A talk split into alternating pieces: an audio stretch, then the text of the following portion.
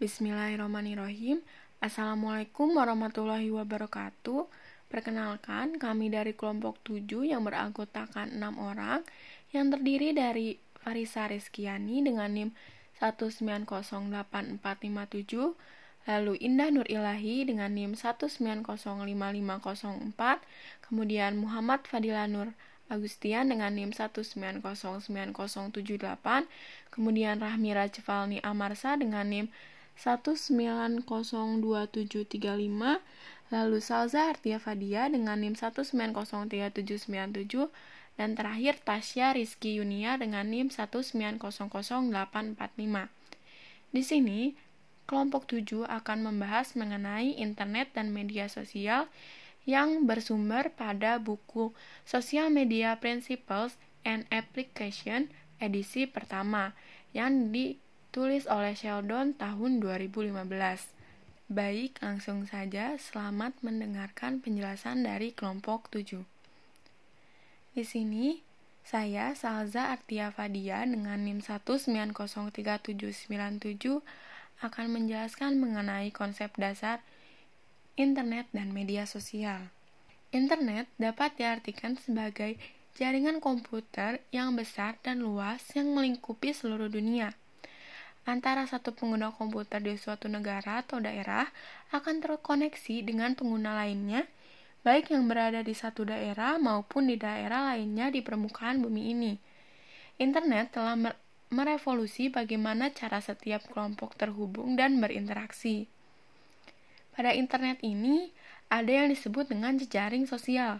Jejaring sosial menurut White et al. 2009 didefinisikan sebagai tautan dari orang ke orang, kelompok atau objek informasi. Objek tersebut dapat berupa pesan, foto, video, postingan dinding, pemberitahuan, aktivitas terkini, acara, widget, dan lain-lain. Tautan tersebut dapat dibuat oleh agen pengguna jejaring sosial. Jejaring sosial ini biasanya didorong oleh tujuan-tujuan tertentu, seperti misalnya pemadam kebakaran dengan komunitas pedesaan yang terhubung dalam jejaring sosial. Mereka sama-sama memiliki tujuan yang sama dan bekerja sama sebagai tim. Pada jejaring sosial ini ada pula jejaring sosial online yang didukung oleh berbagai aplikasi yang kita namakan sebagai media sosial. Nah, apa sih media sosial itu?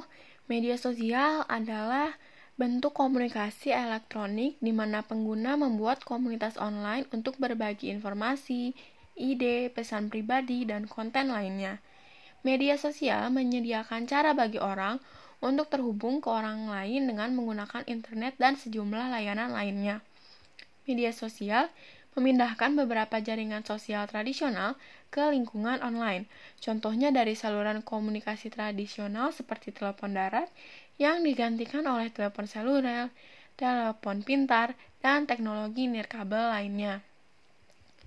Teknologi ini mendorong bagaimana orang berinteraksi dan menyediakan cara bagi orang untuk berinteraksi dan bertukar informasi dalam banyak cara yang baru.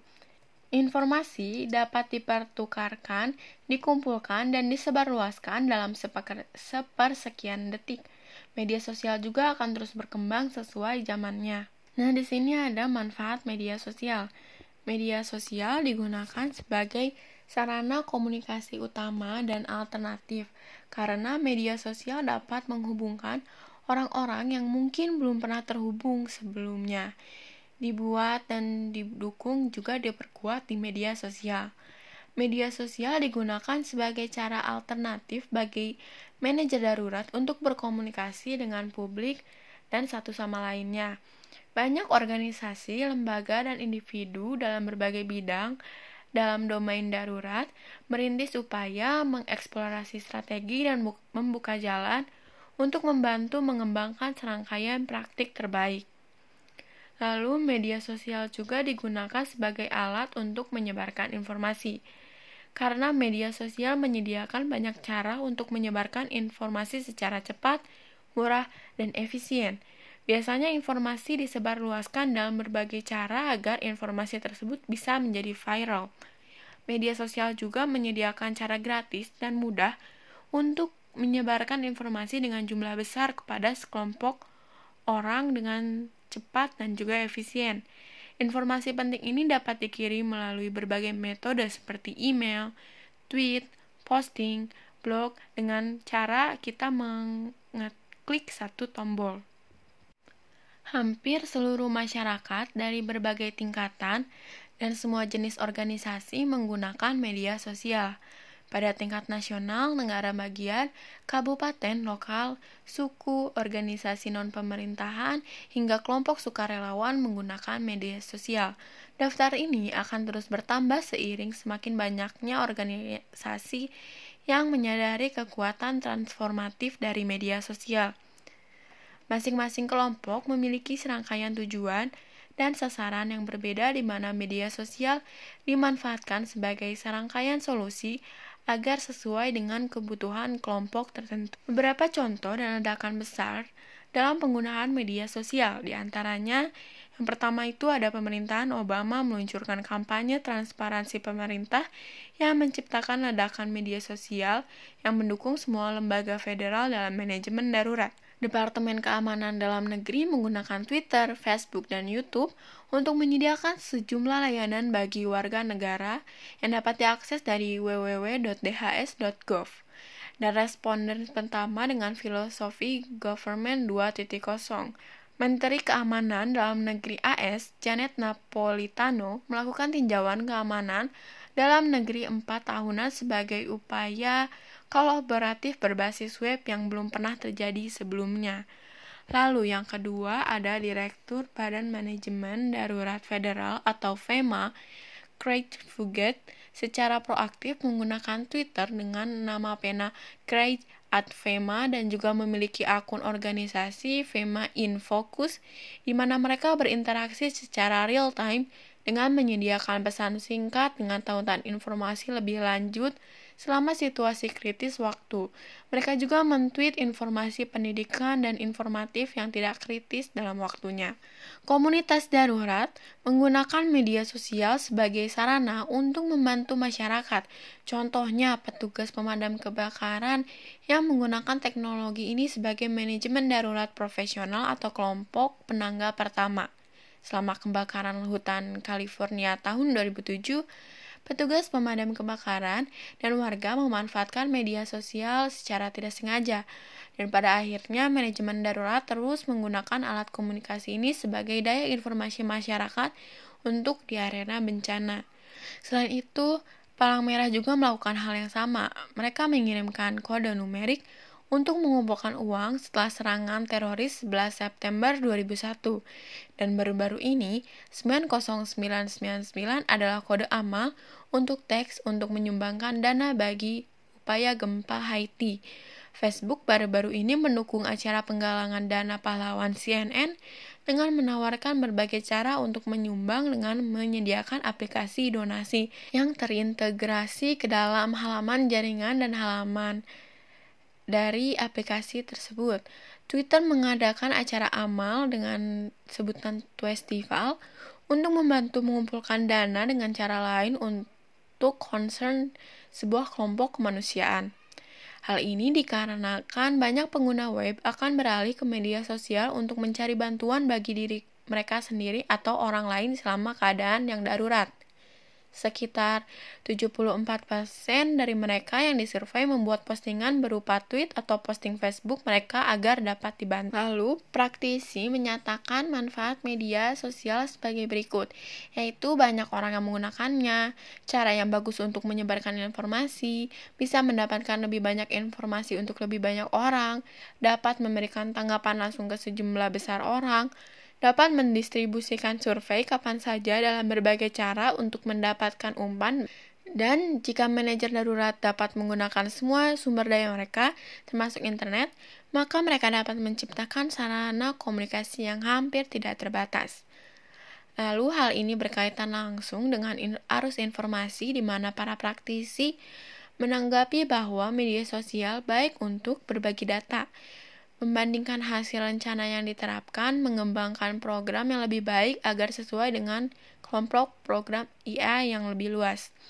lalu mengurangi jumlah waktu yang dibutuhkan untuk melakukan wawancara tatap muka untuk memberikan informasi media. Hal ini akan lebih akurat dan akan mengurangi waktu yang terbuang. Selain itu, media sosial dan teknologi web tidak hanya memberikan kemampuan untuk berjejaring lebih banyak di dalam domain itu sendiri, tetapi praktisi membuat daftar manfaat yang menjangkau jauh dengan menghubungkan diri mereka dengan komunitas internasional karena jangkauan global. Praktisi mencatat bahwa jaringan tersebut akan berfungsi sebagai kontak langsung dan titik referensi bagi para peneliti dan para pekerja di bidang manajemen darurat dalam skala global. Selain itu, mendapatkan informasi lebih lanjut tentang dunia dan media sosial juga memungkinkan banyak orang dari berbagai wilayah di seluruh dunia untuk saling menghubungi dengan cepat. Lalu Para praktisi juga dapat mencatat beberapa peluang pendidikan dengan teknologi web 2.0, yaitu dapat digunakan untuk menjelaskan mengapa dan bagaimana cara mempersiapkannya, yaitu membantu meyakinkan orang untuk benar-benar mempersiapkan apa yang perlu mereka lakukan. Lalu digunakan untuk pelatihan dan penelitian, perpustakaan profesional, dan berbagi praktik terbaik. Sekian pada bahasan kali ini akan dilanjutkan oleh rekan saya. Bismillahirrahmanirrahim. Perkenalkan saya Indah Nur Ilahi dengan NIM 1905504 akan menjelaskan tentang kekhawatiran apa yang dimiliki praktisi tentang penggunaan media sosial. Beberapa kekhawatiran umum untuk media sosial yaitu semua yang berkaitan dengan transaksi online seperti privacy, keamanan, dan kekokohan. Beberapa dari masalah privacy yang ditawarkan oleh praktisi adalah tentang informasi yang berlalu lalang di internet Contohnya yakni fakta bahwa pada dasarnya mereka terbuka untuk semua orang, kerahasiaan informasi, seseorang dapat memberikan informasi pribadi sebanyak atau sesedikit yang diperlukan, privasi mungkin terganggu, dan takut dikuntit atau dimangsa. Kekhawatiran yang lainnya yakni datang dari orang-orang yang menolak teknologi. Lebih buruk lagi, media sosial memiliki sejumlah masalah persepsi dari para pemangku kepentingan. Umumnya, ketidakpercayaan atau kurangnya penggunaan teknologi yang dirasakan menjadi perhatian bagi beberapa orang yang menyatakan bahwa teknologi tidak semua orang merasa nyaman menggunakan internet dan selalu ada masalah dengan koneksi, komputer, dan yang lainnya. Ada orang yang tidak memiliki akses ke internet dan ada orang lain yang tidak terlalu sering memeriksanya. Beberapa orang tidak ingin menjadi bagian dari media sosial Beberapa orang merasa harus menganggapnya serius dan harus dalam pengaturan yang tepat. Lalu yang terakhir, sebagian besar melihat media sosial hanya digunakan untuk bersenang-senang. Kekhawatiran yang selanjutnya yakni adanya konsekuensi sosial yang diidentifikasi, yang diidentifikasi oleh praktisi. Beberapa di antaranya adalah takut akan konsekuensi pandangan politik dan opini lain yang sekarang dapat dilihat oleh calon pemberi kerja, dan yang kedua, orang-orang akan mengorbankan orang lain karena perbedaan ide atau pendapat. Kekhawatiran selanjutnya terkait dengan aksesibilitas. Orang-orang bertanya mengenai siapa yang memiliki aksesibilitas ke sistem. Jawabannya yakni sulit untuk membatasi siapa yang menaruh informasi pada sistem dan siapa yang dapat menyebabkan informasi palsu diberikan. Hal ini mungkin menjadi kekurangan media sosial untuk saat ini karena tidak ada jawaban yang pasti untuk aksesibilitas ke sistem tersebut. Kekhawatiran lainnya yang dicatat oleh praktisi terkait dengan kualitas informasi. Banyak orang menolak penggunaan media sosial karena alasan tentang Informasi mudah dirubah oleh siapa saja, hingga bagi profesional membuat data terkadang tidak terlalu menonjol. Yang kedua, kekhawatiran besar adalah seseorang mengunggah informasi yang salah atau tidak benar. Yang ketiga, peretas akan mencuri informasi dan mengidentifikasi pencurian. Yang keempat, informasi yang di, yang disebarkan terlalu berlebihan. Yang kelima, keandalan dan keakuratan informasi yang belum pasti. Yang keenam, terlalu banyak informasi yang tidak tertandingi atau kualitas terkontrol pada saat kritis untuk menyelamatkan nyawa. Dan yang terakhir, sering menarik calon-calon dengan sedikit atau tanpa keahlian yang akan mengacaukan saluran udara dengan informasi yang tidak berguna atau salah. Selanjutnya berkaitan dengan keamanan informasi. Praktisi menyimpulkan beberapa kekhawatiran, yakni seperti ada beberapa aspek manajemen darurat yang memerlukan tingkat keamanan tertentu dan ini akan, akan membutuhkan jalur komunikasi lain. Yang kedua, takut ada virus, trojan, dan worm, dan lain-lain dari sistem yang menginfeksi. Yang ketiga, orang-orang yang berpura-pura menjadi seseorang yang bukan dirinya.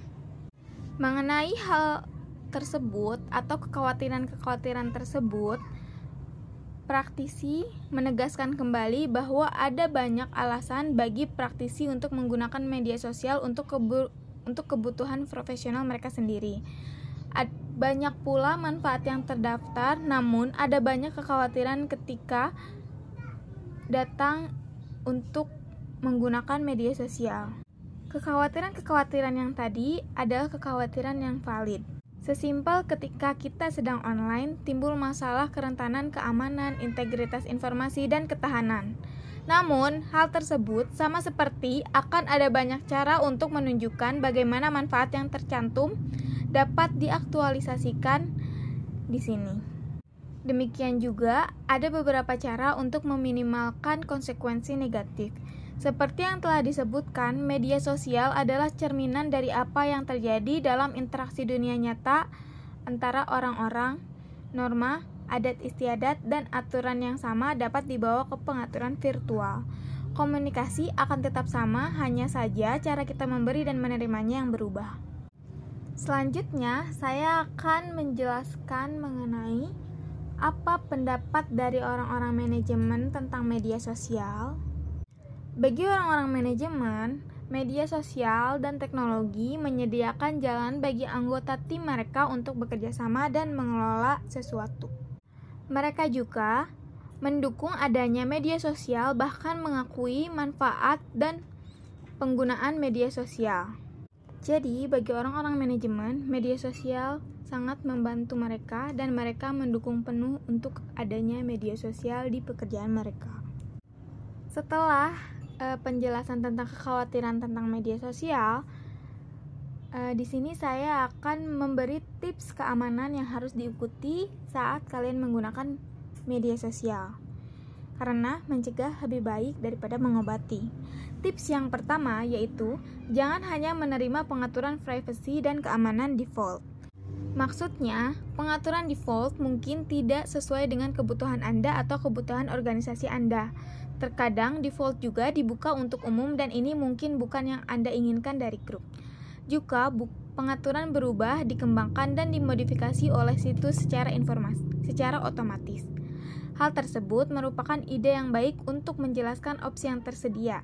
Semakin banyak Anda belajar tentang media sosial, semakin Anda akan memahami pengaturan yang paling bermanfaat untuk memenuhi kebutuhan Anda dan organisasi Anda. Tips yang kedua yakni pilih kata sandi yang kompleks dan unik untuk setiap akun Anda.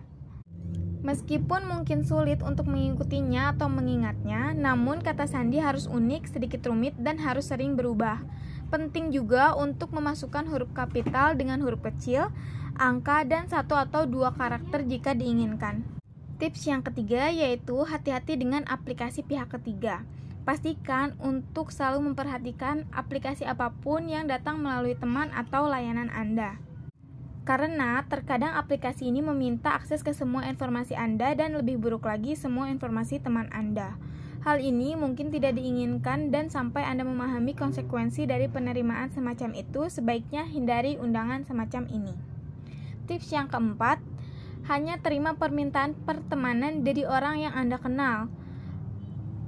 Pemasar, spammer, dan ancaman lainnya dapat datang dalam bentuk grup yang memiliki akses ke akun dan informasi Anda. Oleh karena itu, jangan sembarangan menerima permintaan pertemanan dari orang yang tidak Anda kenal. Tips yang kelima, baca dengan cermat kebijakan privacy dan persyaratan layanan. Semua situs dan layanan sosial ini memiliki kebijakan yang harus Anda setujui sebelum akun berhasil dibuat.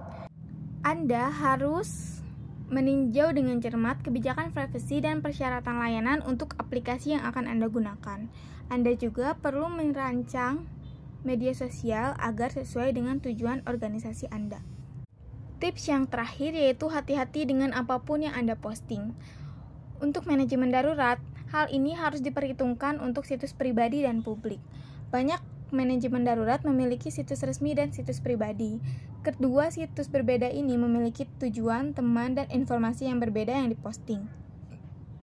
Hal ini adalah salah satu cara untuk memisahkan pekerjaan dari rumah juga. Sejumlah netiquette harus digunakan saat menulis blog atau beranda di tempat mana pun, termasuk milik Anda sendiri. Informasi pribadi tidak boleh didistribusikan seperti nomor telepon, alamat, dan mentweet lokasi Anda sewaktu-waktu pada waktu tertentu. Sekian penjelasan yang dapat saya sampaikan. Mohon maaf bila banyak kekurangan. Terima kasih. Assalamualaikum warahmatullahi wabarakatuh. Di sini saya Falisa Rizkiani dengan NIM 1908457 ingin melanjutkan materi mengenai privasi dan keamanan media sosial. Dengan kemajuan teknologi yang pesat, hal-hal yang dulunya merupakan pengetahuan pribadi kini menjadi publik. Situs di jaring sosial biasanya mendorong pengguna untuk mengungkapkan banyak informasi tentang diri mereka sendiri, menurut Antonis dan Falkenberg serta Peter pada tahun 2010. Hal ini termasuk informasi pribadi seperti tanggal lahir, usia, agama, pandangan politik, serta status hubungan dan preferensi seksual, menurut Gross dan Acquisti pada tahun 2005. Informasi ini bisa diakses oleh siapa saja, termasuk supervisor, orang asing, bahkan teman yang memiliki niat tidak baik. Ada beberapa kasus karyawan yang dilaporkan diberhentikan karena posting di Facebook seperti komentar, foto, dan jenis grup yang mereka tautkan. Salah satunya yaitu kasus Caitlin Davis, seorang pemandu sorak berusia 18 tahun di New England, Patriots, yang dipecat karena foto yang ia posting di Facebook. Dalam studi Pew Research Center pada tahun 2013 tentang anonimitas, privacy, dan keamanan online, satu persen peserta mengatakan bahwa mereka telah kehilangan kesempatan kerja atau kesempatan pendidikan karena sesuatu yang mereka posting online atau seseorang yang memposting tentang diri mereka. Survei tersebut melibatkan 1000 orang dewasa berusia 18 tahun ke atas. Dari jumlah tersebut, 21% email atau akun di jaring sosial mereka telah disusupi atau diambil alih oleh orang lain tanpa izin. Menurut Rainy, Kisler, Kang, dan Maiden pada tahun 2013. Selanjutnya ada paradoks privacy. Sementara banyak warga menyatakan keprihatinan bahwa pemerintah memiliki terlalu banyak informasi tentang mereka. Mereka masih secara sukarela mengungkapkan bahwa banyak data pribadi di situs di jaring sosial. Inilah yang peneliti sebut sebagai paradox privacy, menurut Norbert Horn 2007. Hal ini dapat dijelaskan dari psikis perspektif hologis. Orang mengungkapkan karena mereka memiliki kebutuhan untuk menjadi bagian dari kelompok sosial mereka, mereka ingin menjadi populer. Oleh karena itu, Marwick dan Boyd pada tahun 2014 menekankan bahwa kita tidak boleh mempelajari privasi sebagai model individualistis, tetapi sebagai privasi jaringan.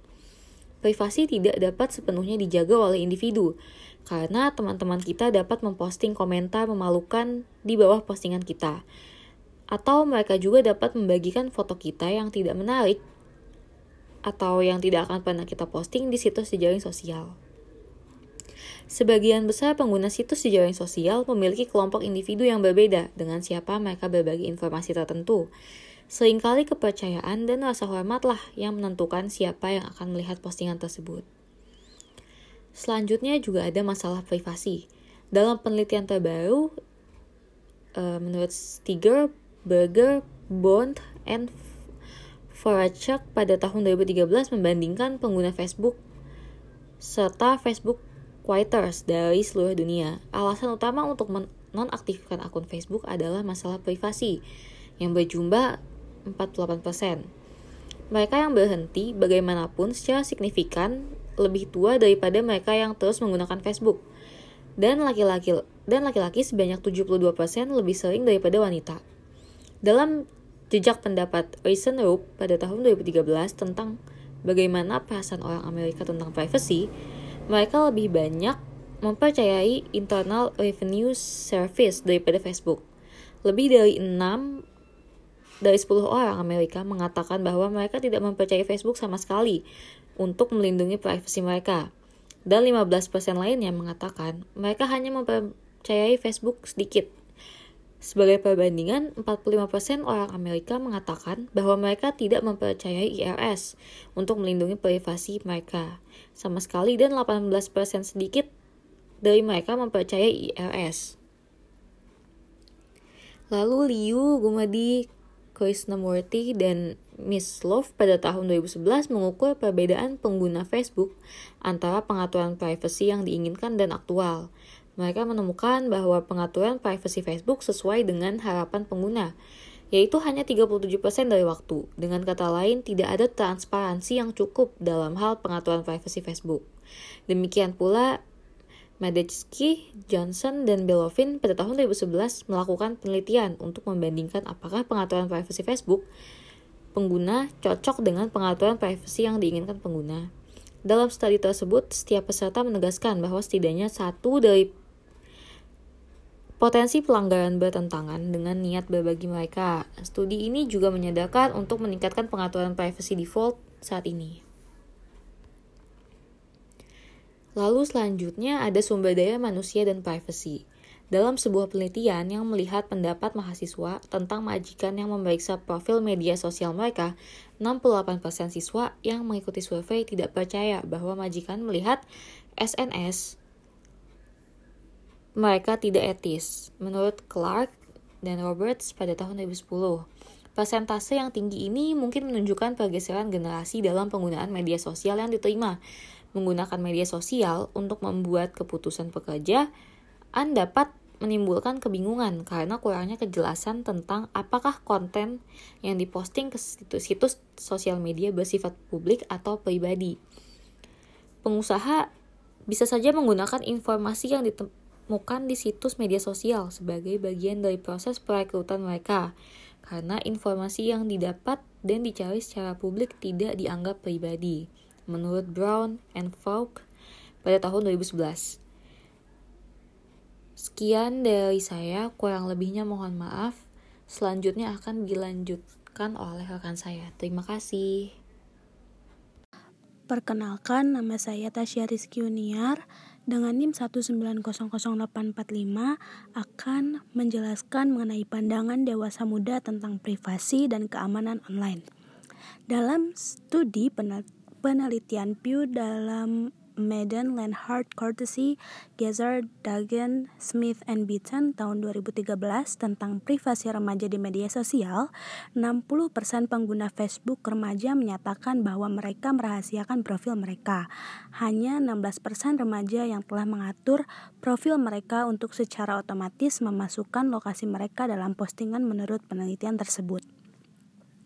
Selain itu, 74% remaja telah menghapus orang dari jaringan atau daftar teman mereka sebagai salah satu teknik manajemen privasi.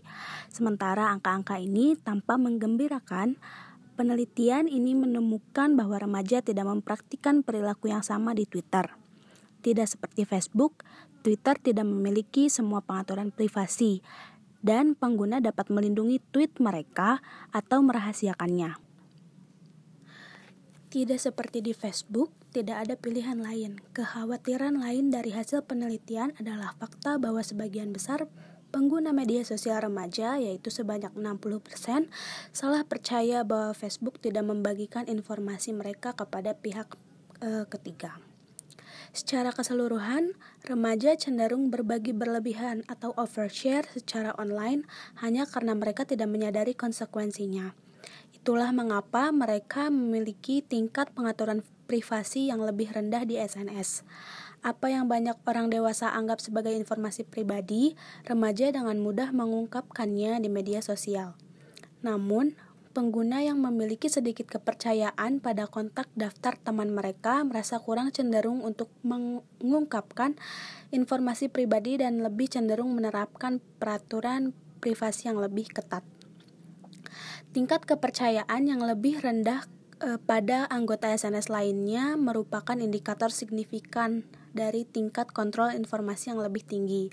Bertentangan dengan harapan dan artikel media populer, Christophites pada tahun 2009 menemukan bahwa keterbukaan informasi dan pengendalian informasi tidak berkorelasi negatif secara signifikan.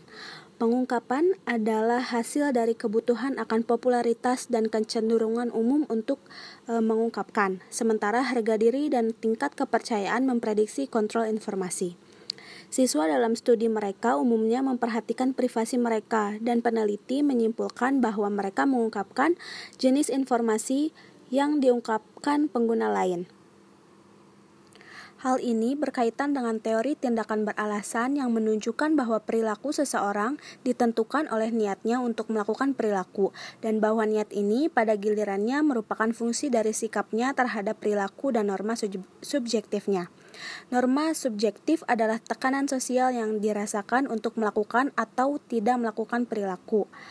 Tekanan sosial ini mungkin datang dari teman sebaya, keluarga, sekolah, atau tempat kerja dan dapat menjadi alasan siswa merasakan tekanan untuk terbuka tentang kehidupan mereka. Dalam lingkungan anonimus seperti Facebook, individu lebih suka menunjukkan daripada memberitahu orang lain tentang diri mereka sendiri. Faktanya, ketika menyangkut orang dewasa muda, sebagian besar khawatir tentang mengendalikan apa yang bisa dilihat orang tua mereka. Seringkali mereka membuat grup audiens terpisah yang dapat melihat postingan mereka, sementara mereka membatasinya untuk orang lain. Remaja juga dapat menulis dalam scripts yang hanya dapat dipahami oleh teman terdekat mereka. Boyd dan Marwick tahun 2011 memperkenalkan istilah social steganography yang berarti menyembunyikan pesan. Ide steganografi adalah untuk berkomunikasi hanya untuk segmen tertentu dari teman-teman. Misalnya, dalam studi Pelushate dan Carl tahun 2008, 20% partisipan mengatakan bahwa mereka tidak akan nyaman jika atasan mereka melihat informasi tertentu di halaman Facebook mereka. Item yang paling umum terdaftar yang tidak ingin dilihat atasan mereka adalah foto atau komentar terkait alkohol. Beberapa siswa tidak ingin mereka melihat lelucon humor yang tidak pantas atau komentar yang ditinggalkan oleh teman. Sekali lagi, pria menunjukkan perhatian yang lebih rendah daripada wanita. Dalam hal seks, penelitian menunjukkan bahwa wanita lebih protektif terhadap privasi media sosial mereka dan memiliki batasan yang lebih besar pada profil mereka. Pelushate dan Carl tahun 2008 juga menemukan bahwa pria lebih mungkin daripada wanita untuk memposting gambar atau komentar yang mempromosikan diri dan bersifat cabul atau melibatkan seks atau alkohol di profil mereka. Wanita lebih cenderung memposting gambar romantis atau imut daripada pria. Studi lain juga menemukan hubungan positif antara kekhawatiran terkait privasi dan penerapan pengaturan privasi yang lebih ketat.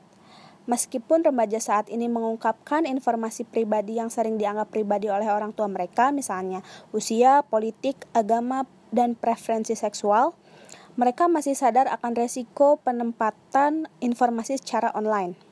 Livingstone tahun 2008 berpendapat bahwa definisi privacy mereka telah berubah. Dengan demikian, tidak terikat untuk mengungkapkan jenis informasi tertentu, tetapi bagi mereka privasi adalah tentang kontrol dan siapa yang tahu bagaimana dengan mereka itu sendiri.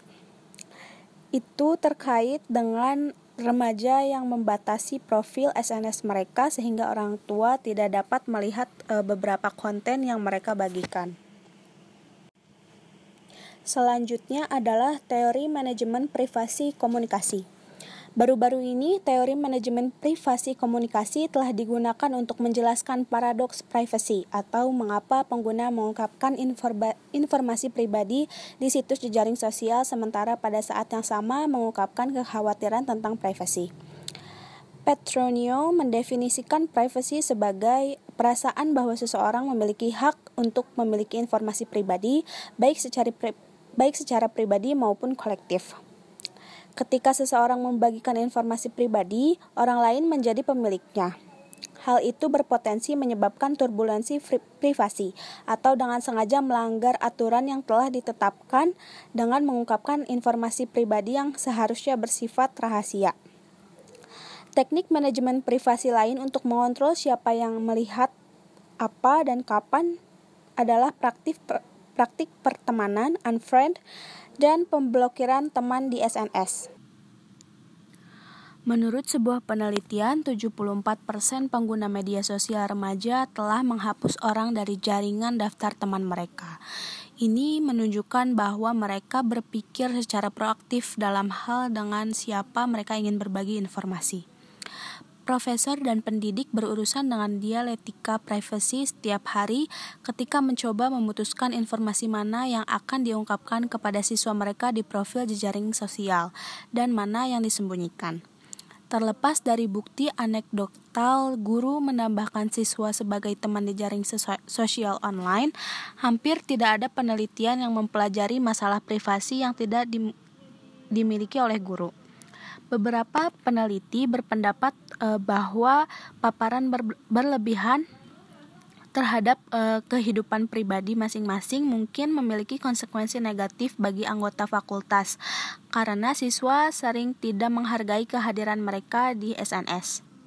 Outlet media telah melaporkan kasus instruktur sekolah dasar, sekolah menengah, dan perguruan tinggi yang dipecat karena sesuatu yang mereka posting secara publik di profil jejaring sosial mereka. Menurut prinsip dan standar etika American Association of University Professors atau AAUP, personel perguruan tinggi harus menghindari hubungan ganda dengan siswa di mana satu individu melayani dalam berbagai peran yang menciptakan tanggung jawab yang saling bertentangan, kebingungan peran, dan harapan yang tidak jelas yang mungkin melibatkan peran yang tidak sesuai dengan tanggung jawab yang saling bertentangan. Selanjutnya adalah CPM atau Communication Privacy Management, yang berarti teori yang menggambarkan sebuah peta yang menunjukkan bahwa orang-orang membuat pilihan tentang mengungkapkan atau menyembunyikan suatu informasi privat berdasarkan kriteria dan kondisi yang mereka anggap penting, dan individu percaya bahwa mereka mempunyai hak untuk memiliki dan mengatur akses ke informasi privat mereka. Teori CPM mengakui bahwa individu percaya bahwa mereka memiliki informasi pribadi mereka sendiri dan memiliki hak untuk mengontrol informasi tersebut. Kepemilikan diwakili oleh batas privasi metaforis yang menentukan di mana orang menyimpan dan melindungi informasi mereka. CPM menggunakan pengidentifikasi pemilik informasi untuk mewakili kontrol yang sah atas informasi pribadi seseorang. Selain itu, pemilik bersama yang dipilih ditetapkan sebagai pemilik bersama yang sah yang menunjukkan legitimasi akses. Orang-orang percaya bahwa mereka memiliki kendali atas batas privasi mereka dan percaya bahwa mereka memiliki hak untuk memberikan siapa yang dapat memiliki akses dan ketika informasi pribadi mereka terlarang bagi orang lain. Namun, mengungkapkan informasi pribadi memiliki potensi risiko yang dapat menimbulkan perasaan rentan bagi pemiliknya.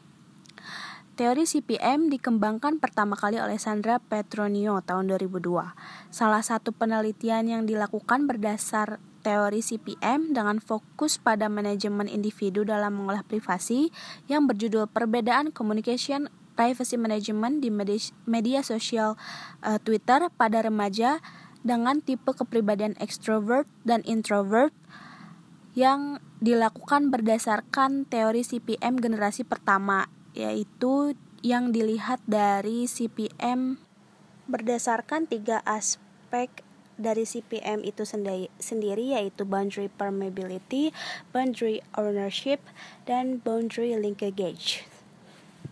Pengolahan privasi atau CPM memiliki kaitan erat pada perkembangan remaja, khususnya pada aspek otonomi diri, identitas diri, dan keintiman. Pada aspek otonomi, remaja sudah mulai memutuskan apa saja yang menjadi bagian dari dirinya, bentuk privasi apa saja yang harus dijaga dan dibagikan. Hal ini terkait dengan aspek CPM yaitu boundary permeability yang fokus pada sejauh mana dan sebanyak apa informasi pribadi yang dibagikan kepada pihak lain. Selanjutnya, pada aspek identitas diri, remaja akan melakukan evaluasi terkait identitas diri yang mereka gambarkan pada kehidupan sehari-hari.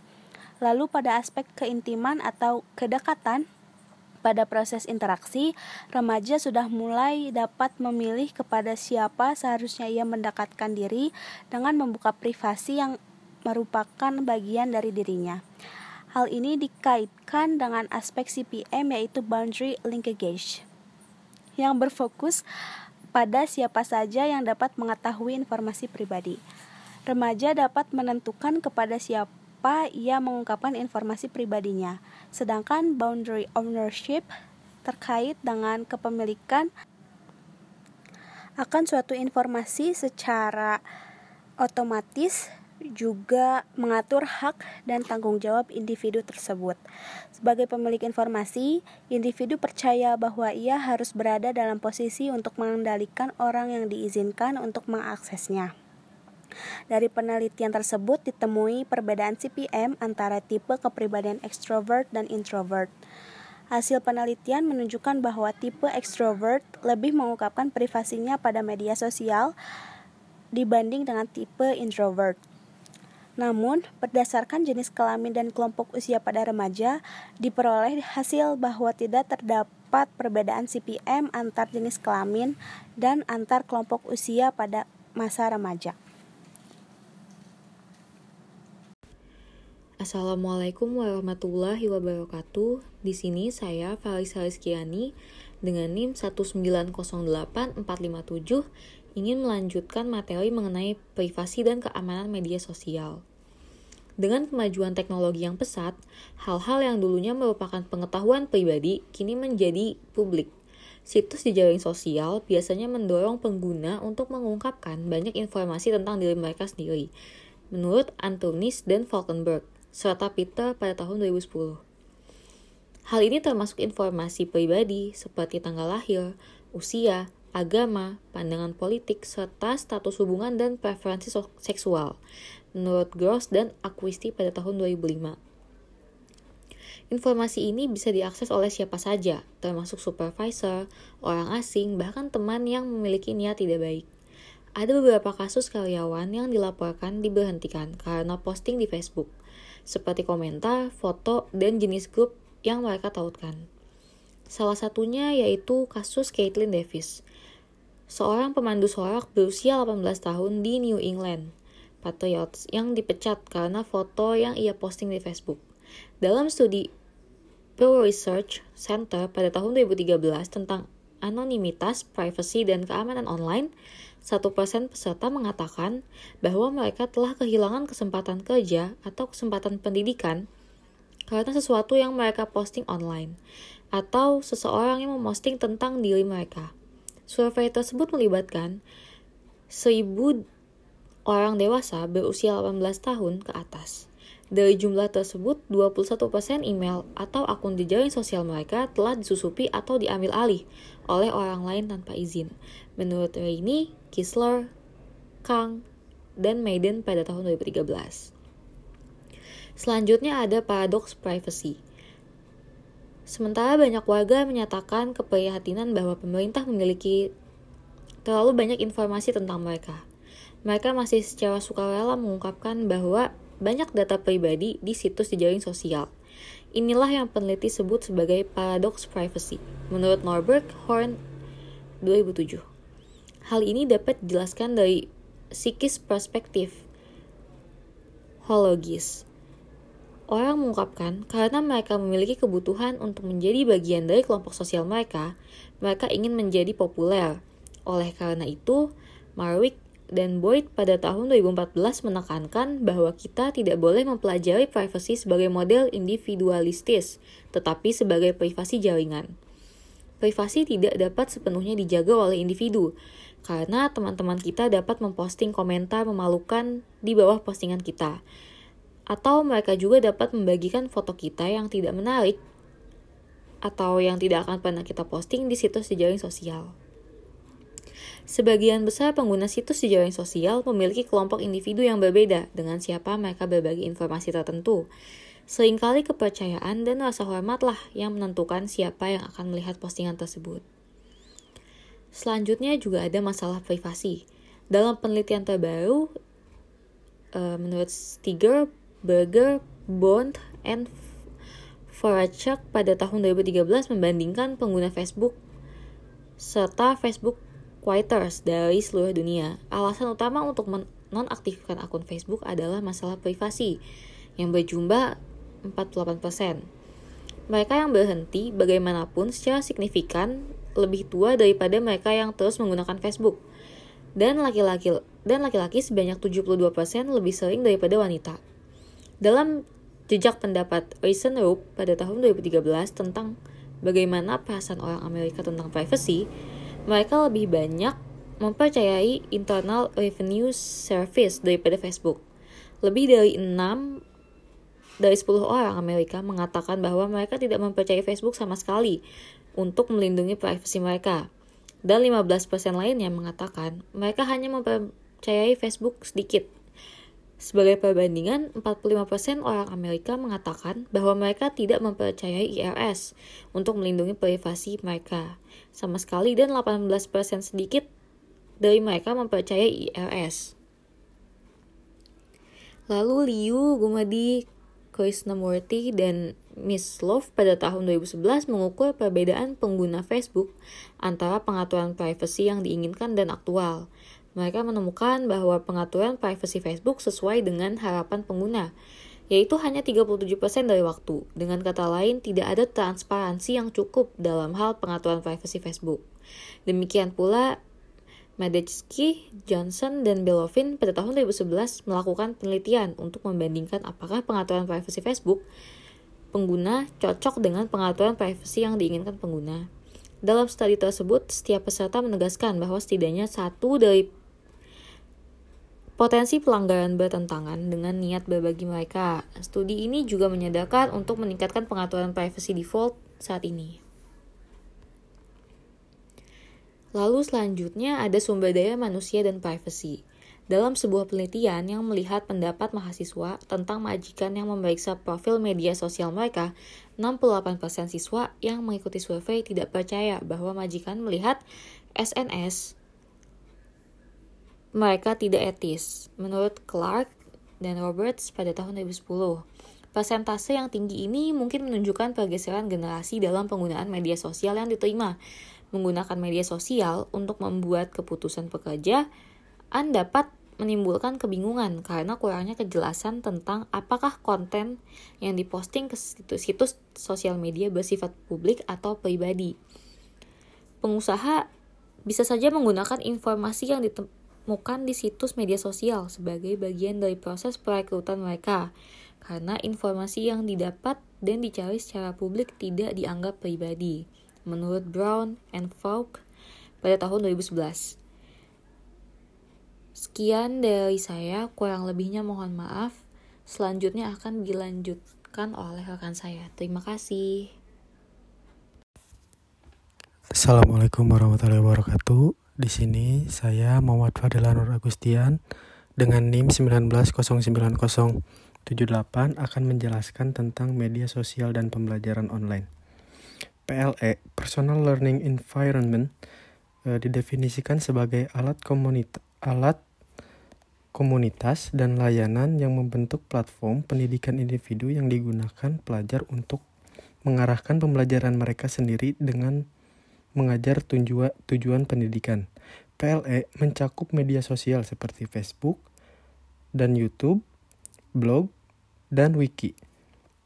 Jumlah mahasiswa yang mengambil kursus online terus terus bertambah. dengan 30% mahasiswa mengambil setidaknya satu kelas online. Banyak perguruan tinggi yang perguruan tinggi lebih memilih kursus online karena mereka menghemat uang. Friedman tahun 2013 menyarankan bahwa media sosial dapat digunakan untuk membuat pekerjaan rumah menjadi menyenangkan dan bermanfaat. Pembelajaran online menurut mereka menawarkan banyak keunggulan dibanding pembelajaran di kelas tradisional, sehingga menghasilkan kinerja yang baik bagi siswa. Pembelajaran online bagaimanapun menuntut siswa untuk menjadi peserta aktif dalam lingkungan belajar, menciptakan berkomunikasi satu sama lain. Yang selanjutnya, ada media sosial dan kecerdasan kolektif. Secara empiris, menguji asumsi bahwa media sosial mempromosikan kecerdasan kolektif – kelompok fok kelompok e, mereka fokus dengan 20 siswa mengungkapkan tidak ada bukti kecerdasan kolektif. Siswa siswa yang menyelesaikan tugas dengan menggunakan berbagai bentuk teknologi media sosial masih menggambarkan pembelajaran mereka menggunakan kata ganti orang pertama tunggal atau saya. Yang selanjutnya, yang terakhir, Menggunakan media sosial pada pendidikan K12. Menggunakan media sosial dalam pendidikan K12 mungkin berbeda dengan menggunakan media sosial di perguruan tinggi. Huffman 2013 menyarankan bahwa menyarankan bahwa baik guru dan siswa harus dilatih untuk merancang penggunaan teknologi di kelas. Dia dia juga menyarankan bahwa guru tidak boleh menggunakan akun pribadi mereka dengan siswa atau orang lain.